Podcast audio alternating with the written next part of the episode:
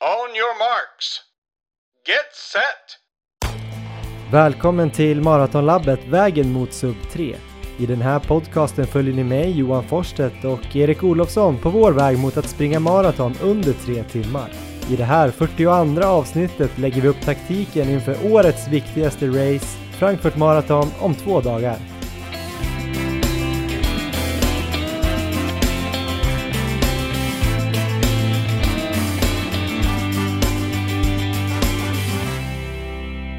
Tjenare EG, Maratonlabbets finest! Tjenare! Nu är det nära.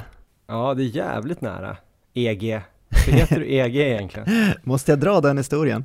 Det är du, och, du och två till i, i Sverige som kallar mig för det. Det var, något, det var ett smeknamn jag hade när jag var väldigt, väldigt liten.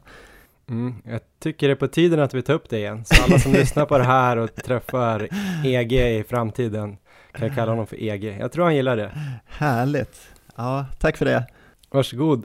Ja, det är väldigt nära nu. Nu är det Ja. väl fyra dagar kvar bara. Det stämmer. Fyra dagar kvar. Hur känns det? Det eh, känns eh, ganska bra. Jag är på väg upp ur min eh, riktigt, eh, vad heter det, djupa grop som jag har grävt ner mig i. Det är lite som filmen Kill Bill där när, eh, jag tror det är i början, någon scen där hon i gul dress är fast i en kista långt nere under marken, i Just jorden. det. Och så håller syret på att ta slut och så ska hon försöka ta sig upp därifrån. Ja, Så har det känts lite grann. Och eh, just nu är jag väl precis att jag har eh, fått loss eh, själva, jag har fått lite hål i kistan där. Jag är ja. fortfarande inte, jag är inte uppe och kan andas än. Där någonstans, så känns det. Själv då? Ja men det lät ju lovande kanske, tror jag. Alltså det, det känns fantastiskt. Jag, jag, det rullar på otroligt bra för mig. Ehm, jag Mm. är, alltså det är sånt enormt fokus nu känner jag på Frankfurt bara. Det är nästan det enda jag går runt och tänker på just nu.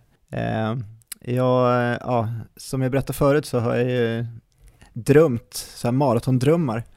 Och jag hade faktiskt en dröm i natt, vill du höra den? Ja, gärna. Ehm, det var så här att eh, det var morgonen när vi ska springa i Frankfurt och jag kommer ner Mm. till frukost. Och då träffar jag dig Johan där och du har på dig ett par splitternya Vaporflies. Mhm. Och eh, jag blir lite avundsjuk och eh, vi står och pratar lite. Och sen ber jag dig i alla fall, ja men alltså funkar de bra då? Hur, kan du inte visa lite när du springer? Och då studsar du iväg i sådana här, äh, jag vet inte vad jag ska jämföra med, jag såg en intervju för en massa år sedan med Stefan Holm, den här gamla höjdhopparen, när han hoppar över sådana häckar. Såg du den intervjun? Ja, det, det, det är så löjligt, han bara studsar iväg. Och det är typ med sådana så här 10 meters kliv du studsar iväg där. Och då står jag där så här och bara är skitbitter att jag inte har skaffat ett par sådana där själv. Men min fråga nu till dig Johan, är, är den här drömmen sann? Har du skaffat ett par Vaporflies? Ah, ah, det är så roligt. Det var en sanddröm Erik. du, nej, du skojar med mig. Nej. Nej. Har, har du gjort det? Ja, ja. Det var det som var min räv bakom örat, men sen kom jag på att det heter ju inte räv bakom örat, utan det heter ju um, S i rockärmen. Det här är sant alltså. Eh, vad är det för variant du har? Säg inte att det är en sån här elitvariant som bara Kipchoge har typ. Nej, alltså det är Kipchoge och sen uh, Galen Rapp eh, och jag. Jaha, ja, men berätta, hur, hur gick det här till? För att jag ja, eh, Eh, som jag förstått är de ju i princip omöjliga att få tag i. Ja, de var omöjliga att få tag i. Jag hade inte tänkt att få tag i dem heller. Om någon undrar som har varit nedfryst här sista ett eller två åren så är det ju de här Nikes eh, eh nya innovation som Kipchoge slog världsrekord i och som de togs fram till Breaking 2-försöket. Ehm, nej men vi har ju pratat om dem förut och de är ju dyra och ska inte hålla särskilt många mil och är omöjliga att få tag på så då, vi la ju ner det ganska snabbt. Precis. Men sen var det här för någon vecka sedan så pratade jag faktiskt med, det var nog att jag pratade med coach Munt Ja, och så kom vi in på att han var lite skadad men han hade fått tag i ett par Vaporfly så han själv var tvungen att bli frisk för att han skulle kunna använda dem någon gång. Han är ganska duktig på att springa själv också just det. men han har någon eh, fotledsskada eller liknande. Då frågade jag om eh, Vaporfly var så bra som eh, ryktet eller om det bara var en marknadsföringsgrej.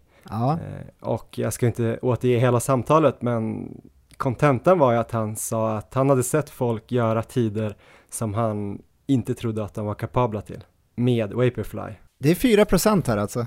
Och plus att han sa väl det här att Kipchoge aldrig varit under 2.03 utan de där skorna. Um, sen kan ju han ha tränat upp sig såklart. Uh, det vet ju inte, man vet ju inte vad som är vad. Men uh, då blev jag lite så taggad. Sen tänkte jag inte att jag skulle kunna få tag i dem. Men så sa han att de fanns i Holland. Ja. Och beställa där. För i Sverige är de helt slut. Så då sa han så här, ja de skeppar ju inte till Sverige från Holland, men om du har någon kompis där så kanske du kan få tag på dem. Och så sa jag, ja det har jag ju inte. Sen kom jag på att jag har en kompis, Håkan Lindborn, kanske den viktigaste killen för hela den här uh, säsongen av Maratonlabbet. Vi nämner hans namn igen tycker jag, Håkan Lindborn. Uh, mycket trevlig man.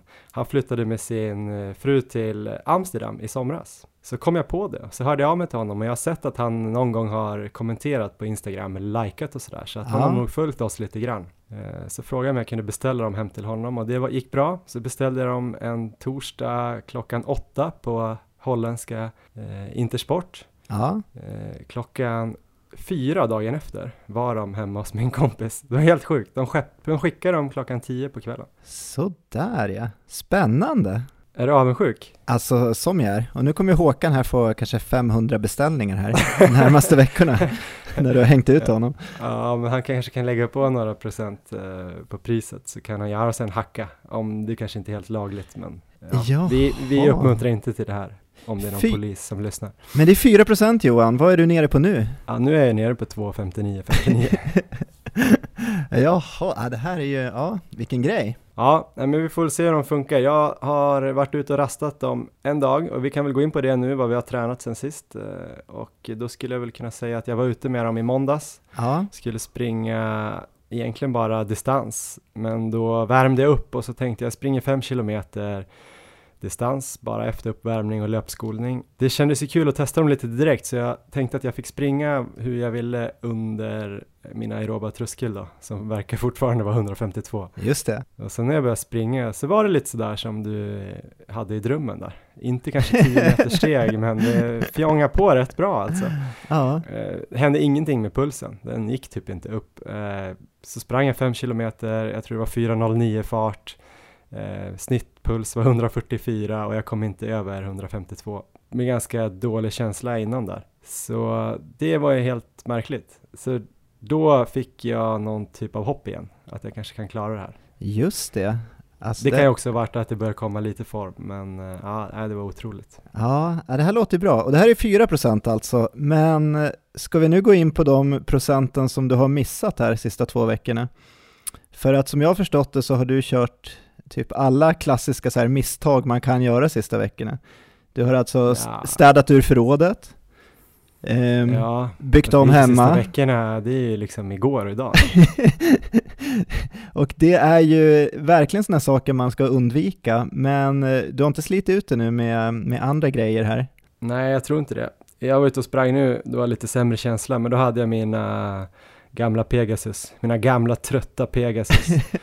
För jag var på återvinningscentralen först och slängde lite grejer. så ja, då ville jag inte ha mina fina skor. Jag, man vet ju aldrig om man blir bestulen eller om man tappar något på fötterna så de går sönder. Men eh, riktigt mycket trögare känsla idag, lite sämre puls och jag vet inte om det var, det var ju blåsigt idag så går inte riktigt att jämföra, men det var sämre känsla idag. Ah. Nej, jag tror att jag, jag tror det ska vara lugnt Erik. Jag tänker att jag gör det här lite i början av veckan och sen kommer jag vila torsdag, fredag, lördag, helt eh, fokus på loppet. Och jag bär inte massa grejer. Någon diskmaskin hit och dit, men det är ju bara 30 kilo upp för någon trappa. Så då så, det är lugnt. Då så. Ja, ja, nog om det. Själv då Erik, har du behållit den här fantastiska formen från eh, Activitus? Um, ja, det har jag. Det som gör mig lite orolig nu är ju att jag prickade rätt på den här drömmen, för jag hade ju även en dröm när jag sprang vilse i Frankfurt, så jag kanske ska börja ta den på allvar nu. Ja. Så det är väl lite läskigt. Men träningen har gått eh, fantastiskt bra för mig. Mm. Jag har verkligen kommit in i vad som känns som en formtopp, så jag hoppas den inte är för tidig. Nej, hur känns det liksom? Är det samma känsla eller har det blivit ännu bättre eller hänger det kvar? Alltså det, det blir som, ja, lite bättre för varje pass nästan har det varit på slutet. Ja, Idag så körde jag mitt sista, vad ska man säga, inte hårda pass, men jag hade fem kilometer i marafart på en mil och det, var, eh, det kändes jättelätt och eh, jättebra. Vad hade du för tider och puls och sånt där? Eh, kanske låg ett snitt på 4.08 och eh, pulsen var väl kanske 150 ungefär i snitt. Ja, som Så jag då, är- med Vaporfly. Ja, så eh, tänk om jag hade ett par sådana. Förutom att du har då lite högre aerob tröskelpuls så att eh, det blir inte jämförbart ändå, men ändå. Ja, nej, men det, det är positivt. Allt, allt känns positivt nu och nu är det fyra dagar kvar så att det är ju, det, det känns bra. Mm. Det är häftigt. Tänk att vi har nu hållit på med det här 42 veckor och tränat eh, massa mil och nu är det kanske bara fyra dagar av koncentration. Verkligen. Glädje, Ja. Snabbhet, maskineri, mod, Bra sömn. styrka. Nej, fan, vi måste hålla i det här nu Erik. Sen får vi ta lite säsongsvila kanske. Ja, det låter bra. Men vi tänkte ju snacka lite om eh, vad man ska tänka på inför ett maraton och då specifikt inför Frankfurt Marathon för oss såklart, men vi tror att det kan vara lite överförbart eh, för alla som lyssnar på det här. Men eh, vi ska först eh, spela upp en intervju med Maramackan, Marcus Nilsson, som har bland annat skrivit den här boken eh, Löpning mitt i livet, som är riktigt bra och praktisk, pedagogisk för de för folk som vill satsa på maraton. Han har sprungit Frankfurt eh, tio gånger har han startat, nio gånger har han fullföljt. Eh, han ska springa på söndag också, så är det en expert av rang. Så vi kör den intervjun först och sen snackar vi lite om eh, vår taktik, energiplan, väder, klädsel, skoval, vad man gör dagen innan och sådär. Så häng kvar! On your marks. Get set. Då har vi det så lyxigt att vi har fått med oss eh, Maramackan, Marcus Nilsson, igen i Maratonlabbet. Eh, Välkommen! Tack, skitkul att få vara med igen. Jag känner mig hedrad. Men sist vi, du var med var avsnitt 10 i mars någon gång. Då pratade vi lite intervaller och även lite, eller vi pratade lite VO2 max och så pratade vi även lite andra maratongrejer. Men nu tänkte vi prata med dig eftersom nu på söndag är det ju vårt stora mål för året, Frankfurt Marathon. Och eh, då är det ju så att den som jag känner till som eh, är mest expert på Frankfurt Marathon, det är ju du. Jag hoppas att det är så. Jag har inte sprungit snabbast av svenskarna genom tiderna, men jag har sprungit många gånger. Ja, för jag har ju läst en bok, eh, Löpträning mitt i livet, den läste jag ju i vintras och sen har jag haft den eh, och gått tillbaks till här under säsongen. Och det var faktiskt från din bok som jag fick eh, idén om att springa just i Frankfurt. Ja, det är bra. och du har ju sprungit, du har ju startat där tio gånger Ja, och sprungit i mål nio gånger och ska också springa nu på söndag. jajamensan. Varför eh, är du så ofta i Frankfurt och springer? Egentligen, alltså, allting började med att jag och en kompis satt och analyserade vad den optimala maran borde vara på hösten med hänsyn Ja. till banprofil eh, och eh, ska man säga väderstatistik helt enkelt. Var, var var bästa chansen att göra bra tider någonstans? Mm. Och eh, då kom vi fram till att Frankfurt i teorin borde vara det bästa stället att göra bra tider på. När var första gången du sprang där? 2005 var det första gången. Och, eh, och, sen, och sen så är det så att eh, jag gillade arrangemanget och jag gillade enkelheten med att eh, det, är en, alltså det är en hyggligt stor stad med massvis av hotell i och med att det är finanscentrum, vilket gör att hotellen blir lätt lediga då på helger så att det går att få. Bra hotell till bra priser och det är lätt att flyga ner och det är lätt att ta sig in till stan. Ja, det var det där som eh, sålde in mig på idén, just med vädret och platta banprofilen och just eh, lättheten. Ja. Och det känns ju som att eh, vi ska prata lite mer väder sen tror jag. Absolut. Men eh, först kan vi väl prata om, du gjorde ju en, din bästa mara någonsin i Frankfurt just. Min snabbaste mara har jag gjort i Frankfurt. Jag skulle inte säga att det är den bästa, men den snabbaste jag har gjort i Frankfurt. Eh, 2.40.07. Jajamensan. Um, hur var det att gå över 2.40 där precis? Det var fruktansvärt irriterande för jag slarvade faktiskt bort det eh, i dubbel bemärkelse. Dels så fick jag ett, eh, jag fick två stycken vätskestationer i, i rad där jag strulade. För springer man under 2.45 får man ställa ut egen vätska, vilket också är en sån här grej som gjort att, att eh, jag gillar det.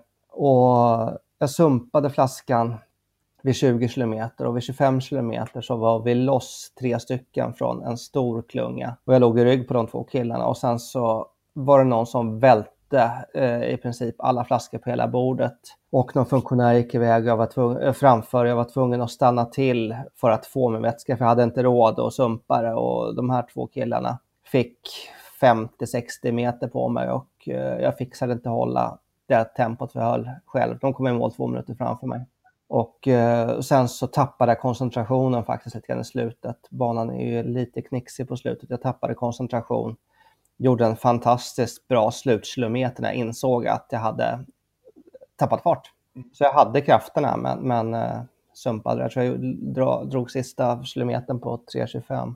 Det är hyfsat. Ja, det är en hyfsad avslutning på 42 kilometer. Men om man tar banan där, du nämnde där att det är lite knixigt i slutet, men hur ser den ut eh, från start till mål, lite översiktligt sådär? Ja, det här är också en av de här grejerna som jag gillar med Frankfurt, för att man springer väldigt mycket in i stadskärnan. De första fyra kilometrarna är ett, eh, det är ett gäng svängar och eh, man snurrar liksom runt så att för mig så lurar det skallen lite grann. Att den är upptagen med att hålla reda på var man är och svänga och så vidare. Och sen så vid fyra kilometer så springer man förbi starten igen och då känns det lite grann som att loppet börjar. Så mentalt för mig så är det precis som att jag vaskar fyra kilometer liksom. De går av bara farten där i början. Just det. Och det gillar jag. Och sen så är det lite knixigt efter det också, men eh, ska man säga upp mot eh, från nio kilometer då börjar det bli lite mer vanlig, hedlig monoton maratonlöpning fram tills man kommer in i slutet i stan igen. Men det här knixiga, är det liksom någonting som gör att man tappar tid eller är det mer just skönt att ha något att tänka på? Jag tycker att det är skönt att ha någonting att tänka på. Naturligtvis så tappar man i teorin lite tid av att hålla på och svänga. Samtidigt så tror jag att eh, benen faktiskt lite grann eh, mår bra av att man håller på och vänder och vrider lite grann. Jag menar, det är trots allt så att tredje, det är den tredje snabbaste maran av de eh, maror som finns, alltså av de tider som har gjorts. Mm. Så att eh, den, den funkar uppenbarligen springa snabbt på trots, trots knappheten. Och eh, jag tror jag läste att skillnaden mellan högsta och lägsta punkten är 27 meter. Är det liksom någonstans, finns det backar eller hur, hur känner man av det eller märker man av någonting? Det finns, ska jag säga, det finns en slakmota mellan typ 9 och 10 kilometer ungefär. Där du naturligtvis tappar lite, lite fart. Men jag, jag, ska, jag ska inte svära på det, men det borde nästan vara banans högsta punkt där. Mm. Och eh, det som gör att kan man bara hålla sig lite kylig och, och vara försiktig med fart, alltså hålla den farten man tänkt hålla i snitt och, och kommer upp till strax efter milen, sen så går det utför svagt, svagt ut. För det är väldigt lätt sprunget mellan, mellan 10 och 13 kilometer skulle jag säga. Mm. Så att eh, mellan 10 och 20 kilometer det är absolut den snabbaste milen och det tycker jag man ska utnyttja. För det här är, och springer man på någon sorts jämn ansträngning så ska första halvan faktiskt gå lite snabbare än andra halvan. För på andra halvan så ska man över en bro, eh, över eh, Mind då igen efter 23,5 ungefär. Och det är egentligen den enda riktiga backen som känns som en backe. Okay. Så när man har gjort den, då är man klar med någonting som har någon sorts likhet med en, en vanlig backe. Det är liksom inte Västerbron vi pratar om, men det är i alla fall svagt uppför och, och sen så kommer man upp och sen så blir det utför på andra sidan naturligtvis. Och sista milen då, förutom att det kanske är lite knixigt, hur, vad är det för karaktär där när man ska kämpa in den här? Alltså jag brukar faktiskt tänka Eh, Eh, lite annorlunda på Frankfurt än på andra marer. För jag tycker att eh, när man kommer vid 27 kilometer, då är man i, som i en annan liten, som sagt, kallar det förstad till Frankfurt, som jag inte kommer ihåg vad den heter. Men där vänder man tillbaka. Och då blir det så att från, vad ska det vara, 29 kilometer ungefär, då är det en raksträcka som heter duga som jag ska erkänna, alltså det är nästan en halv mil rakt och platt. Och första gången jag sprang så tyckte jag det var satans påfund för att eh, vara helt ärlig. Men, men, jag, men jag, lär, jag, har lärt mig att uppskatta för det går att bara gå in i den här monotonin mm. och veta att eh, när man kommer in till stan, man passerar strax, eller i närheten av målet vid, vid 35-36, 36,5 kilometer ungefär. Och då känns det återigen som att okej, okay, men nu kommer jag, kommer jag till 27 så vet jag att då kommer jag i mål, för då ska jag bara hem. När jag kommer till 37, då vet jag att nu ska jag bara snurra runt lite grann i stan igen och sen så är det klart. Och jag tycker att på så sätt, nu känner jag ju banan så bra, men det gör att jag kan bryta upp loppet efter någonting annat än bara här att vätskestation där, tänk på det där, tänk på det där, utan det, det händer någonting. Och sen så är det, ett, det är rejäl fart på publiken inne i stan också. Ja, vanligtvis brukar man ju få rådet att springa andra halvan kanske lite fortare, men liksom hålla ett jämnt tempo hela loppet. Men här tänker du att man kanske mer ska tänka ansträngning då, så att första halvan då blir lite snabbare. Ja, nu, nu är det ju som sagt, det är en väldigt platt bana, men det går inte att komma ifrån att start och mål ligger högre upp än var halvmarapasseringen är någonstans. Så att jag gissar på att om man skulle springa på samma sätt som på en helt platt bana med helt jämna halvor så, så hamnar man kanske mellan 30 och 60 sekunder snabbare eh, på första halvan på den här banan. Eh, nämnde lite där vätska där och, och, energi. Har du sprungit det här alltid med egen, egna flaskor eller också sprungit med arrangörernas stationer så att säga? När jag har sprungit, sprungit den eh, fort har jag alltid sprungit eh, med eh, flaskor utställda. För då har jag varit i så bra form så att jag en bra dag gör under 2.45 och jag har gjort under 2.45 några gånger i Frankfurt. Eh, sen har jag sprungit ett antal gånger där jag varit personlig hare och då ställer jag inte ut mina flaskor för då är jag ju inte, jag vill inte att min flaska ska stå och ta plats för någon annan om jag inte ska springa fort. Men eh, har du liksom, vad vet du om arrangörens eh, vätska och, och sånt där? Är det bra grejer eller hur serverar de vattnet? Så är det flaskor eller muggar? Eller? Det är muggar och eh, jag har faktiskt inte kollat upp vad de har för sportdryck i år just för att jag ska vara, jag ska vara personlig har i år också.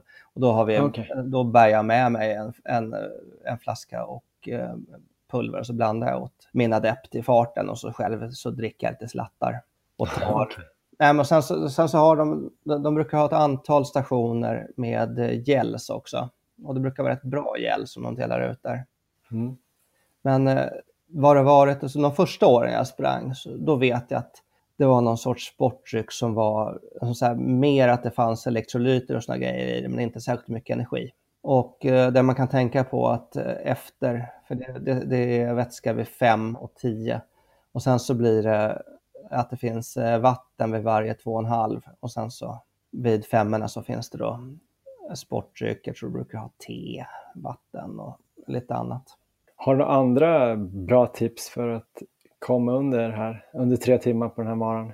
Jag kan säga att jag har ett, ett, ett tips som jag absolut ska ge dig, eller ge er. Och det är att det finns en sak som jag tycker är dåligt med arrangemanget och det är för dem, ska man säga, eller egentligen snabba löpare som inte är elitkvalade. De brukar ha rätt vasst elitfält, men snabba löpare som inte är elitkvalade. Alla som eh, fixar under tre timmar står i en och samma folla och så är det lite eh, generösare för tjejerna naturligtvis. Men det gör att det blir en väldigt stor folla för dem. Och eh, har man vassa armbågar alternativt ute i tid så är det inget problem att komma eh, fram som man är snabbt okay. eh, vid, vid, startlinjen. Men det är otroligt mycket duktiga löpare där. Så att även om, även om du är en tre timmars löpare så kommer det vara rätt trångt i början om du inte tar dig fram. Så att du vill inte ha en halv minut eller 40 sekunder fram till startlinjen och trängas. Nej. Har du någon känsla vad som är tidigt just i Frankfurt? Alltså vad är tidigt? Alltså, när jag har sprungit fort så jag har gått in en halvtimme innan ungefär och sen så har jag rätt bra tysk kötaktik så jag brukar ta mig fram. Ja.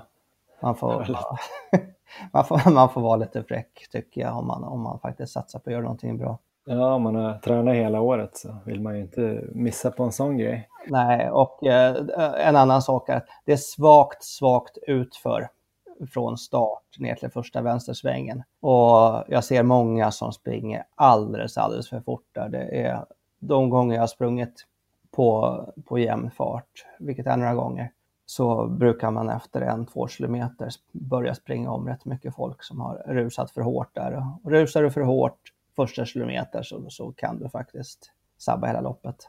Så att eh, känslan för mig där brukar vara snarare att nu lägger jag mig på en ansträngning som gör att det känns som att jag springer alldeles, alldeles för långsamt. Och då brukar jag pricka rätt bra. Ja. Det året du gjorde 2.40.07, när var det förresten? Det var 2008, Just. tio år sedan. Vad hade du gjort innan då? Jag tänker bara i liksom den specifika perioden. Vad var dina bästa pass? Mina bästa pass var eh, de här specifika marafartspassen. Jag kom, jag kom in i säsongen i ganska dålig form, gjorde 38-10 i de två, båda de två milloppen jag sprang på våren. Och sa till folk att jag skulle springa på 2.40 till hösten på maran och de trodde att jag var dum i huvudet. För det är ju trots allt det, det är ju 37.55 eller liknande, 37.52 på varje mil. Ja. Och jag gjorde, jag gjorde eh, Stockholm halvmaraton var det 6-7 veckor innan. Det gjorde jag på eh, strax under 1.20 på ett eh, maxat lopp. Och sen så satte jag varenda, alltså varje marafartspass, för jag springer på ansträngningsnivå. Mm. Och varenda pass hela vägen fram till Frankfurt så gick det lite snabbare, lite snabbare, lite snabbare. Och med en vecka kvar så då kände jag att nej, men det, här, det här är inom räckhåll. Vad var du mest nöjd med då? Vad, under loppet då? Vad, vad funkade bra då? Alltså det, det, det, det som jag var mest nöjd med var att jag var, att, att jag var tuff. Rätt ofta, det är rätt vanligt att det är västlig vind, vilket gör att man får motvind när man springer så säga, från Frankfurt ut till den här andra staden. Mm. Typ då en mil i samma riktning. Och det är rätt ofta att det är västlig vind och motvind där. Och eh, när jag kom ner innan vi skulle svänga, svänga in där, då var jag bakom en klunga, en stor klunga som var 50-60 meter framför tror jag. Och jag visste att eh, ska jag in i motvinden så måste jag vara i en klunga. För det var jag och en klubbkompis låg själva där och det skulle aldrig funka. Så då Nej. tryckte vi på rejält och jobbade, alltså vågade trycka på rejält i några hundra meter för att jobba ikapp klungan och sen lägga, parkera den klungan länge. Mm. Så, och och det, det är jag mest nöjd med, att, att, att våga ta det beslutet i farten. För det, det, det är inte jättetätt med klungor liksom, som på 240-löpare. Just det. Men eh, vi pratade lite om vädret där i början, att Frankfurt är en vädersäker. I, i, I snitt i alla fall, får jag säga. Jag har varit med om allt från minusgrader till eh, över plus 20 och solsken. Ja. Och nu är det ju några dagar kvar, men just nu säger prognosen någonstans 7-8 grader och regn och, och ganska blåsigt. Ja. Har du något tips eh, kring den temperaturen? Vad springer man i för kläder egentligen? Det känns på gränsen till att bara ligga kvar i linne och shorts. Shorts skulle jag ju definitivt springa i om jag skulle, om jag skulle maxa. Det, det, är ingen, det är ingen snack om saken. Men eh, jag skulle ta på mig... Jag har, jag har sprungit eh, i den typen av förhållanden, inte, inte, i, eh, inte i Frankfurt, men på, på andra marer och, och valt linne. Och med facit i hand så har det varit lite väl aggressivt. Så jag blir- känner att det, så jag blir stel i axlarna och blir jag stel i axlarna så, så tappar jag fart. Utan då vill jag nog hellre ha någon, någon eh, långärmad tröja. Någon, någon, någon, någon typ av eh, funktionslångärmad tröja. Helst, jag blir ofta väldigt varm om underarmarna så att eh, någonting där jag kan dra upp ärmarna. Alternativt arm, armvärmare och eh, t-shirt och vantar. Armvärmarna kan man ju dumpa sen om man vill. Till sist då, något, eh, det verkar ju väldigt starkt mentalt när man läser den här boken och sådär. Hur mycket ork, du orkar träna och sådär. Just att komma från 38 på milen till 2.40 är ju, Det är rätt vasst på ett halvår. ja det är helt eh, absurt bra. Men eh, sista milen då, vad är det bästa mentala tipset där om, om jag och Erik ligger där på, vi håller snittet men börjar stumna? Alltså, ni får inte ens tänka tanken. Det är klart att ni stumnar. Liksom. Det, kommer, det, kommer, det kommer ni göra. Det, det är det ni måste vara helt mentalt förberedda på. Och vara så trygga i, i tekniken. Liksom. Att hitta den här, alltså försöka hitta den här avslappningen trots att ni är stumma.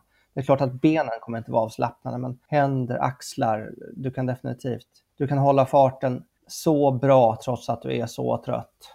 Och sen eh, det, det vanliga, alltså verkligen bara ta en kilometer i taget. Se till att Mm. nu håller jag den här farten en kilometer till och, och, och det är liksom ingenting att diskutera. Och sen när man kommer till nästa så får man börja förhandla med sig själv en gång till. Att, att eh, okej, var det värt det? Ja, det var värt det. Okej, men jag ville faktiskt göra den här tiden. Jag har lagt ner så mycket. Jag brukar, jag brukar tänka att eh, nu är det bara så här mycket av den säsongen. Jag har gjort alla de här passen och det skulle väl vara den om jag inte ska kunna bita ihop i 40 minuter till. Ja. Jag, jag tycker att eh, den, den tanken brukar jag ha med mig att eh, nu är det så här få minuter kvar och sen så har jag säsongsvila och, och då kan jag njuta av det. Jag kommer inte förlåta mig själv om jag viker ner mig nu bara för att jag är lite trött. Det där lät fantastiskt. Det här får bli avslutningsorden på den här eh, intervjun tycker jag. Okej. Okay. Så får vi ta med oss det, eh, snacka vidare om det här i podden. Ja. ja du ska stort tack eh, Marcus och eh, kanske ses där nere, vem vet? Vad ska ni springa på för tid? Ja, jag tänkte att vi kunde springa på 3.45 ungefär. Det, vi får se vad, hur, hur adeptens eh, ben känner sig på, på söndag. Ja, men då får vi hoppas att vi inte ses på loppet då, i alla fall, men kanske innan eller efter. Ja, det får jag verkligen hoppas att vi inte ses på loppet. ja. Ha det bra, tack så jättemycket. Ja, och lycka till. Detsamma. Tack.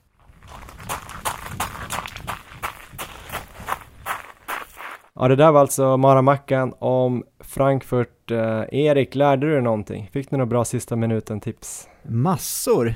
Jag tycker det var en grym genomgång av banan.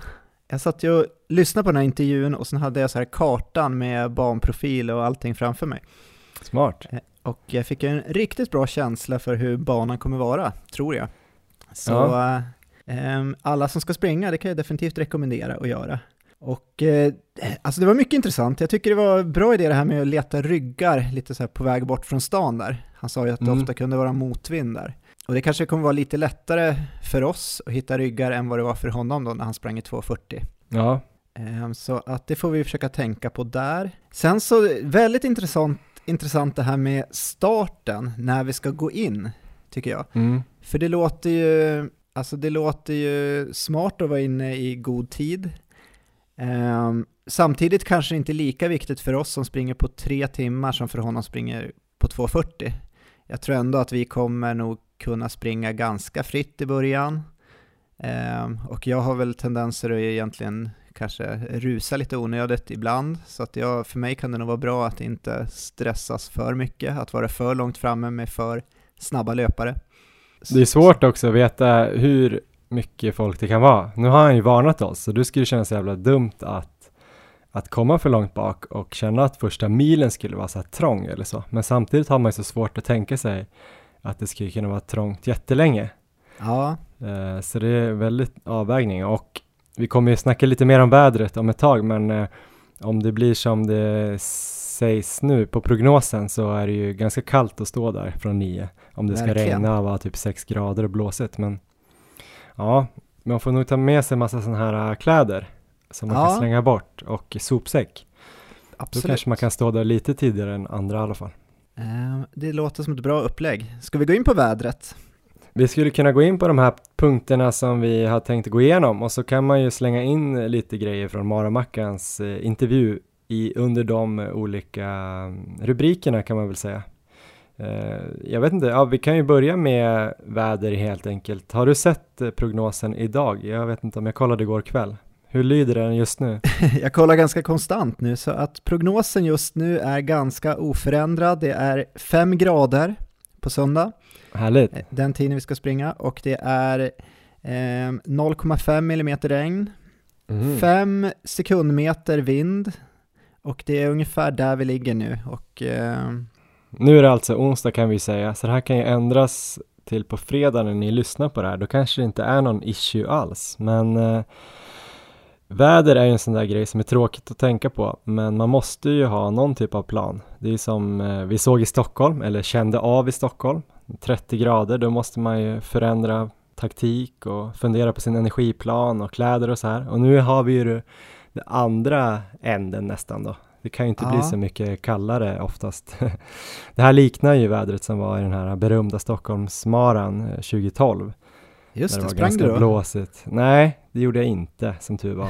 Men eh, då var det ju 4-5 grader och eh, regnade hela tiden och blåste ganska mycket. Eh, så det var ju många som mådde riktigt dåligt av det. Men eh, vad tänker du med vädret och hur kommer det påverka till exempel ditt klädval liksom? Vad har du tänkt optimalt att köra med och vad har du börjat fundera på nu? Ehm, det jag hade hoppats kunna springa i det är ju shorts och linne. Och det, någonstans hoppas jag väl på det fortfarande, men nu är det verkligen att man börjar fundera. För där någonstans går väl gränsen. Jag har ju kollat lite här, eh, jag kollade klädsel på elitlöparna i Boston Marathon i år, för då var det ju Mm. extremväder, alltså verkligen, det var minus 1 till 4 grader under loppet, 16 meter per sekund blåste det och det var mest motvind. De har en, det är ju punkt till punkt lopp så att säga, så det var mest motvind. Plus att det var mycket regn, så det var som att de, ja, allt regn bara blåste rakt i ansiktet på dem. Mm. Var det 16 sekundmeter? Shit. Ja, det var det. Um, och eh, det var intressant att se de här elitlöparna, vilka, vad de hade på sig. Om vi tar herrsegraren först, Kawauchi, mm. sprang alltså i shorts, linne, um, han hade sådana armvärmare på sig och handskar. Um, och han vann alltså och uh, hade egentligen aldrig något problem under loppet. Men, ska ju sägas att han är ju så här extrem... Hårding. Ex, extrem hårding som springer i minusgrader och gör samma tider i princip som på sina andra marer. Så att det går nog inte att jämföra med honom, utan han, han bara malde på där. Um, om vi tar han som kom tvåa i loppet, uh, favoriten kanske, Jeffrey Crew från Kenya, han hade på sig en vindjacka som blev som ett stort tält där. jag såg det. Det såg ja. ut som att han hade sån här, ja men liksom så här som att det var en sån här träningsgrej, att det skulle ta mycket vind så det skulle bli jobbigare, du vet. Som sprinters kan ju ha någon så här som hänger bakom dem, ja typ fallskärmar. Lite så kändes känslan, att han måste ha ja. tappat mycket tid på det. Alltså verkligen, och han gick in i väggen totalt, han ledde med två minuter men tappade hela loppet sista fem kilometerna. Mm. Eh, så att ska man nu springa med vindjacka så är det nog väldigt viktigt att se till att den är väldigt tight. Mm. Damsegraren Deslinden, hon hade också en vindjacka men den var betydligt tajtare. Ehm, hon sprang även med handskar då och shorts. Så alla sprang i shorts, så det verkar vara ett sånt här upplägg som man definitivt ska köra. Mm. Men där var det ju betydligt värre väder och där var det ju många som bröt, många som fick diverse problem under loppet med vädret och så, så att det är ju eh, vi får hoppas att vädret inte går åt det hållet i alla fall. Vad tänker du då, om det skulle bli det, inte sådär då, men som det ser ut nu i Frankfurt, ungefär samma temperatur, kanske någon grad varmare, lite mindre vind. Eh, vad tänker du på överkroppen då? Alltså det är väl som Maramackan sa ungefär, någon funktionströja kanske kan vara bra, någon eh, långärmad funktionströja tänker jag, om jag har något som, som känns bra. Eh, mm. Men jag vill verkligen springa i linne. Jag har även funderat på att kolla på sådana här armvärmare, om man ska springa i linne och sådana kanske. Det har aldrig jag gjort. Har du gjort det någon gång? Nej, men eh, Kipchoge satte ju världsrekord i sådana också väl? ja, precis. Nej, jag vet inte. Jag har också funderat på att gå och titta på ett par i, imorgon kanske. Känna hur det känns. Alternativt om det ligger kvar så här på fem grader, då tror jag att jag har någon så här ganska tunn, eh, typ så här underställströja, alltså inte en i ull utan en sån här eh, i någon typ av funktionsmaterial som är väldigt tajt. Så kanske jag kör eh, linnet över det. Man vill ju gärna ha det där linnet som du har lagt ner så mycket kreativitet och tid på och briljans. ja, det är ju givet att vi har det på oss. Så att om jag har det tajta där, det är liksom som ett andra skinn så att säga, då kan jag bara kanske ha linnet över. Så det är jag lite inne på nu. Jag ja. tror inte att det blir för varmt. Handskar tror jag är väldigt viktigt att ha.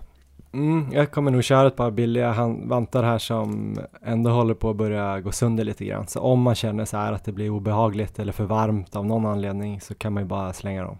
Precis. Ja, äh, men intressant. Eh, jag tänker, nu ska vi gå över på taktik här, tänkte jag. Tycker ja. du att äh, vädret, kommer det påverka din taktik någonting eh, om det blir väldigt blåsigt? Nej, inte när det gäller tempot. Det kommer ju kunna göra att jag kommer söka ryggar under vissa partier kanske. Mm. Eh, så den taktiken kommer ju påverka. Kanske till och med att man söker upp de här ballongerna om man hamnar nära dem, eh, mm. om det är mycket motvind. Annars så kommer det inte påverka vilken fart jag håller, utan det kommer, ja, utan där kommer jag gå för, för planen så att säga. Jag känner lite samma där, det är väldigt lurigt. Vi har ju snackat om de där ballongerna förut, de här farthållarna som har olika tider, att man inte ska lägga sitt öde i någon annans händer. Precis. Samtidigt som det är typ 5-6 sekundmeter och kanske lite mer i byarna, då om man har då en farthållare som faktiskt håller jämn fart, 4-15, då kan man ju nog tjäna väldigt mycket energi på att bara ligga där bakom och mysa och fokusera än om man ska ligga framme och dra. Så att jag är nog lite inne på att våga testa det ändå, men sen kanske överge dem så fort jag känner att det är ryckigt eller att det är för lågt tempo eller för högt tempo. Ja, är det som Maramackan sa att det ofta är där, då är det motvind fram till ungefär 27 kilometer. Sen vänder man ju tillbaka in mot stan. Så.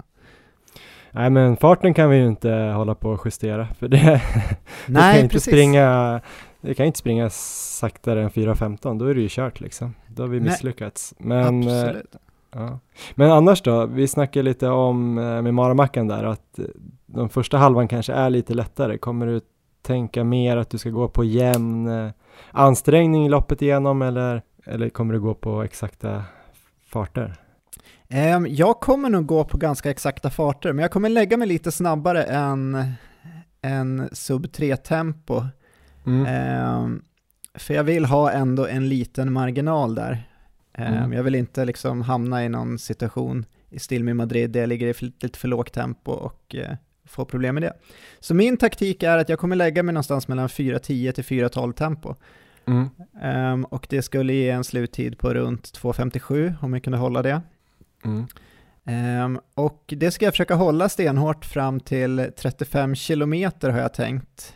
Ehm, och därefter helt enkelt få lite så här fritt spelrum beroende på hur det känns. Antingen får jag väl kämpa, kämpa för livet för att behålla tempot.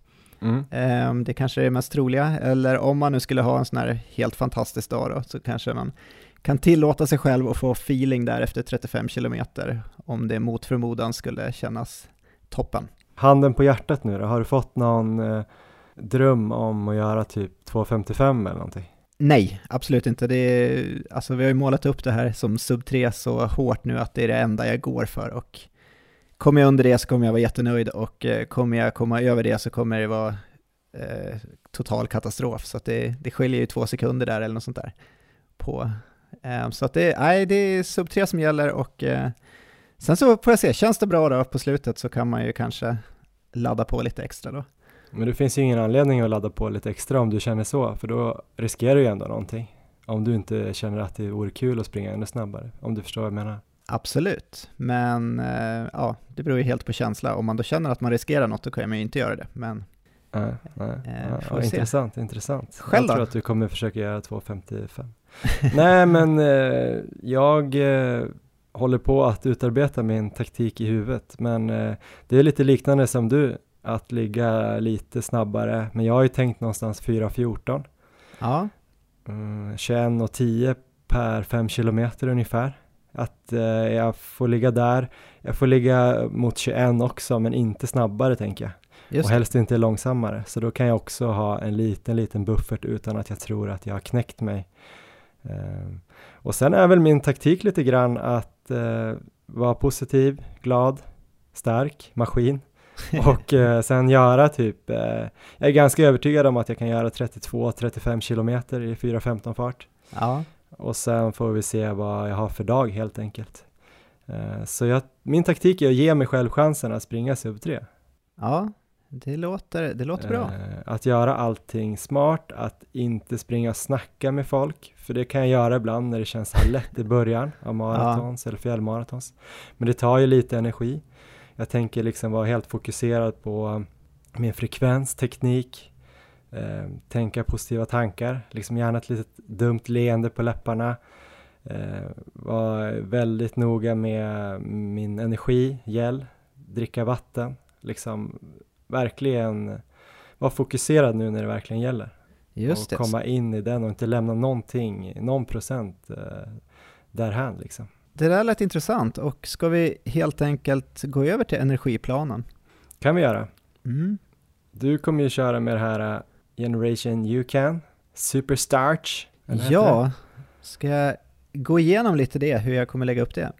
Ja. Du kan lägga, gå igenom lite grann. De som är trogna lyssnare har väl hört lite grann hur det funkar och så, men ta oss igenom det lite snabbt igen. Ja, jag kommer alltså ta någonting som kallas Generation UCAN och det är ju, det var lite intressant när vi gjorde testen här på Activities, för då var det ju, de är ju väldigt eh, intresserade och insatta där i energiplaner och näring, men de hade ju aldrig hört talas om det här, de började ju googla om det. Mm. Eh, Jag fick väl den här idén från, jag lyssnade på lite amerikanska maratonpodcasts och det är många löpare där som kör med den här produkten i alla fall. Eh, Men Mm. i Sverige så är den väldigt svår att få tag på. Det är inte många som kör den, så det, ja, det känns intressant. Jag kommer ta i alla fall två skoper blandat med vatten, eh, ungefär 30-60 minuter innan start. Och det här kommer sedan sakta släppas ut i blodet i ett jämnt flöde under 2-3 timmar. Så det innebär ju att under slutet av loppet så kommer jag vid behov då att eh, behöva inta någonting annat. Och då funderar jag på att, ja, för det första vill jag ju inte egentligen ha med någonting, jag vill inte bära med mig något till slutet av loppet. Och jag har ju tagit banan till exempel på mina långpass tidigare, så att jag funderar bara på att om jag känner att jag behöver något på slutet så kommer jag ta tag i någon banan eller liknande och eh, äta det. Och vatten och elektrolyter då? För det finns väl inga mineraler och sånt där i de där eller? Nej precis, elektrolyter kommer jag ladda upp lite extra med nu dagarna innan och eh, även då på morgonen. Um, och, Men inget eh, under loppet? Eventuellt ta med någon, någon form där, men troligtvis inte. Mm. Um, och jag kommer dricka bara vatten under loppet. Mm. Um, det jag tror jag kommer lägga in på slutet, det är någonting vi har pratat om för ett, ganska många avsnitt sedan, men det är det här som kallas för carb rinsing, kommer du ihåg det? Ja, absolut. Det var ju då att man tar någon slags kolhydratslösning, till exempel sportdryck, och sen så sköljer man bara munnen med det och spottar ut det. Mm. Eh, så jag kommer nog kanske köra något sånt på slutet bara för att lura hjärnan lite att, eh, att få lite extra energi där. Det där pratar vi lite om i, i, i plugget i helgen här. Jag går ju en utbildning till eh, konditions PT, Endurance Personal Trainer. Just eh, då pratade vi lite om carb rinsing och det funkar ju. Ja. Eh, och de gjorde ju det en hel del i VM i fotboll, att de gick och tog någon typ av kolhydrat som de sen eh, spottade ut. Men det finns absolut ingen anledning att spotta ut det egentligen, om man inte är så att du tycker att det är så obehagligt att du är rädd att magen ska bli, få något problem. Det är ju lika bra att ta energin också. Så just att spotta ut det är, eh, är ju inte någon mening med. Det är just det jag är rädd för. Eh, jag har ju problem med både gels och sportdryck och så, det är därför inte jag kör det här normala upplägget egentligen. Jag har ju mått oerhört dåligt och inte fått i mig energin den vägen. Så jag tror att det här upplägget kan vara ett bra upplägg för mig. Sen så vet mm. jag inte. Jag har inte, jag har inte kört det förut, så att jag har provat på träning och då har det fungerat bra, men det är en annan sak nu att springa 42,2 i det här tempot vi ska göra, så att det blir ju ett test, men eh, ja, jag hoppas på det här. Ja, men det är väldigt intressant grej, för jag var faktiskt, eh, jag har frågat på kursen två olika tillfällen just för att eh, dubbelkolla om det här är en idiotisk grej du gör, i sådana fall ja. skulle jag varna dig, eller om de tror att det skulle kunna funka. Och det är faktiskt så att ingen av mina föreläsare heller har hört talas om den här faktiska produkten eller exakt metodiken. Nu i helgen hade vi då nutrition med en kille från Idrottshögskolan och pratade då bland annat om nutrition vid prestation, alltså under lopp och innan lopp och sådär. Och eh, han tyckte att det lät ändå som en rimlig förklaringsmodell, att det ja. skulle kunna funka.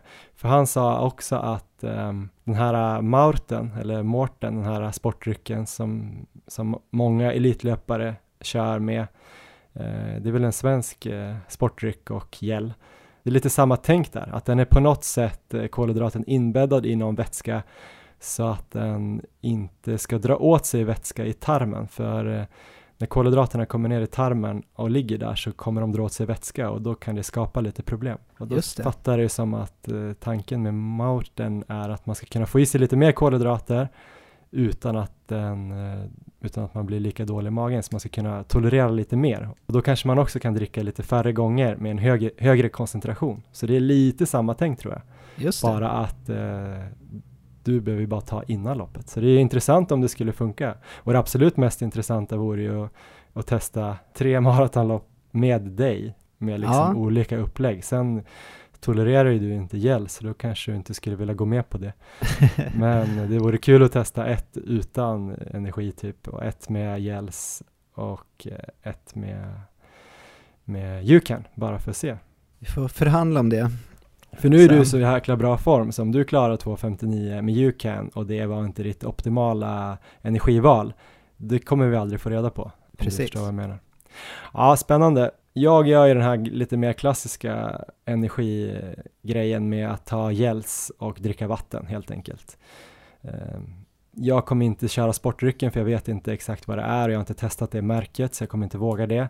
Däremot har jag provat lite olika gels och jag kommer köra en gel från Umara och en gel från just Maurten. och eh, växla dem lite. Maurten är en lite annan speciell konsistens men helt så här smakfri. Just det. Eh, så den är lite speciell att äta när man är van vid de här som är väldigt söta. Umara är mer söt som, som vanligt, men de har en med koffein också. Så jag kommer, tror jag, ta tre sådana där Mauten och två till tre Umara med koffein i under loppet. Så jag kommer nog inte våga gå på det här 60 kolhydrater, 60 gram kolhydrater i timmen utan kanske snarare runt 40. Just det. Eh, så det blir väl runt 120 gram, så det är väl fem, ja det blir väl ungefär fem eh, för mig. Och kanske att jag tar någon av gelsen som eh, de serverar på banan om jag får panik. Möjligtvis tar jag med mig sex gels. Så det blir bara att räkna ut när jag ska ta dem. Ungefär var sjunde kilometer Ja. med start från början. Hur kommer du göra med rödbetsjuicen här innan loppet? Ja, men jag lite valet och kvalet. Jag har ju haft lite magproblem på några långpass. Sen kan jag inte 100% säga att det är eh, rödbetsjuicen. Eh, så jag är lite sugen på att ta den för det är enkelt och det är bevisad effekt på att man kan springa maraton på lägre energiförbrukning. Ja, blodet går runt lättare i kroppen. Så eh, jag är väldigt sugen för det är ju några procent i teorin också. Ja. Så jag kanske bara kör. Vad tycker du? ja, det får du känna själv tror jag. jag. Jag kommer definitivt köra, jag har kört det på mina långpass och det har fungerat bra. Jag har en liten tanke att när jag kört de här långpassen innan att jag kanske ätit lite för mycket dagen innan så jag har haft mat i, i tarmen kvar och kanske ätit för mycket frukost och sådär eller typ druckit kaffe och allt möjligt. Så jag tänker inte dricka kaffe nu för att det blir onödig vätska. Jag tänker bara köra koffeintabletter Just det. eh, en timme innan loppet, tre stycken, 300 gram, milligram. Och så kanske blir lite juice typ, så här, men ganska lite annan vätska än vatten inför loppet. Så jag kanske inte behöver ha så himla skvalpigt i, i magen i början där. Då tror jag kanske att det kan funka. Ja, spännande. Det är tanken. Mm. Annars då, vad är det mer vi måste tänka på? Lite logistik här dagen innan och morgonen. Dagen innan tänker jag vi kommer landa 11 i Frankfurt. Det stämmer. Eh, jag tror att jag kommer köra på samma sätt som vi gjorde i Madrid med maten. Att vi hade det där att vi åt sista stora måltiden var lunch. Nu blev det ganska sen lunch, typ vid tre eller någonting Just i det. Madrid. Och sen så åt jag bara typ frukostliknande måltider var tredje timme fram tills jag gick och la mig. Eh, det tyckte jag kändes som att det funkade bra där, så det kommer jag nog köra vidare på. Ja, det var ju ett råd vi fick från Linda Backman. Just det, SOKs eh, näringsrådgivare, eller kostrådgivare. Precis. Jag vet inte, kommer du köra med samma eller?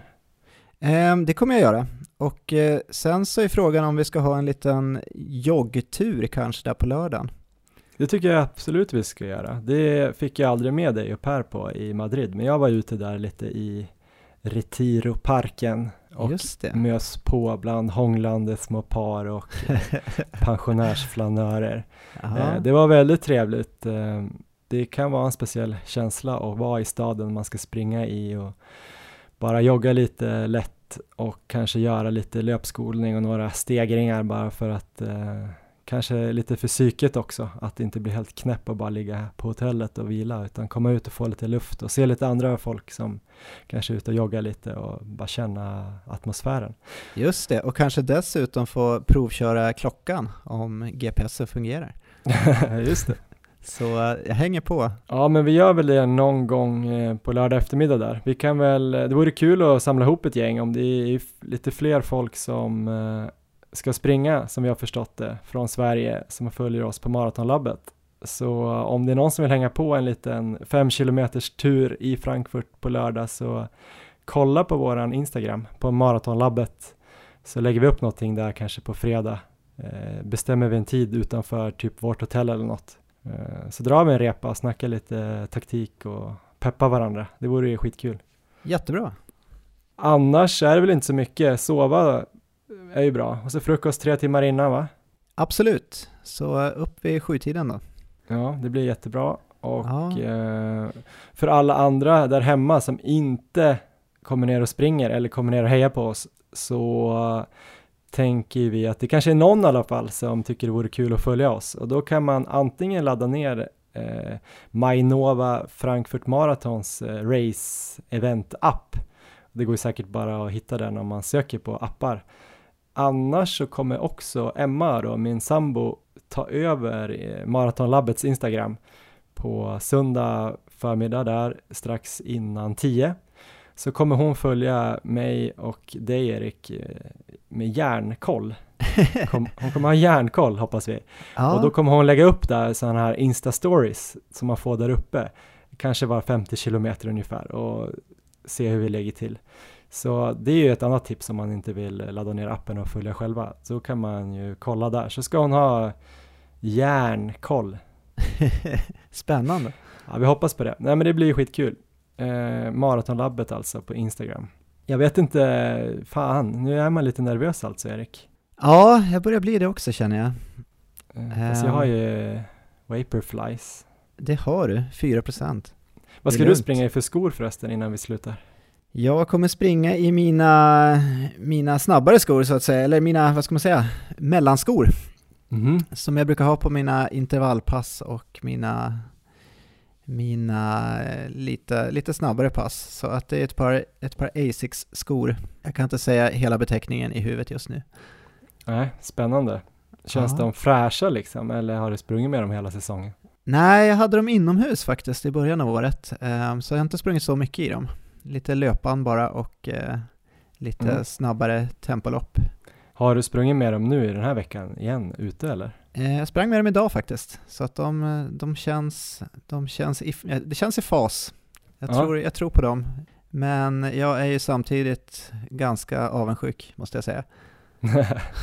ja, vi ska säga här att eh, vi vet ju inte än om Nike Vaporfly faktiskt kommer ge mig 4% och vi är inte sponsrade av dem. Det kan vara en skitsko och då kommer jag säga det i nästa avsnitt. Eh, så vi ska inte, det finns säkert jättemycket andra bra skor som har liknande kvalitet och effekter. Men det verkar eh, intressant att testa i alla fall. Det är ju maratonlabbet trots allt. Till sist då Erik, eh, du är för jävla bra form och eh, du har nästan blivit en gasell. Du är stark, du är Ja, snabb, du är en maskin. Eh, Jag tror att du kommer klara det här. Du kommer krossa Sub 3 faktiskt. jag hoppas på det. Eller ja, krossa behöver jag inte göra, men vi ska ta oss under. Och det är viktigt att vi båda tar oss under nu. Ja, men det var ju nu också du skulle säga någonting fint tillbaks till mig så att jag kan rida på det fram till söndag. Ja, just det. Ja, men det, det, här kommer, det, här, det här kommer gå fantastiskt Johan. Jag tror, jag tror stenhårt på dig. Mer? Ehm, mera. Du är, du är en maskin i Vaporflies. Behöver säga mer än så. Ja, Ja. Okej, det var okej. Det var okej. Det lät inte som att du gjorde det med övertygelse. Men jag får peppa mig själv. Tack för den här veckan Erik. Lycka till på söndag. Vi ses snart. ses snart. Lycka till.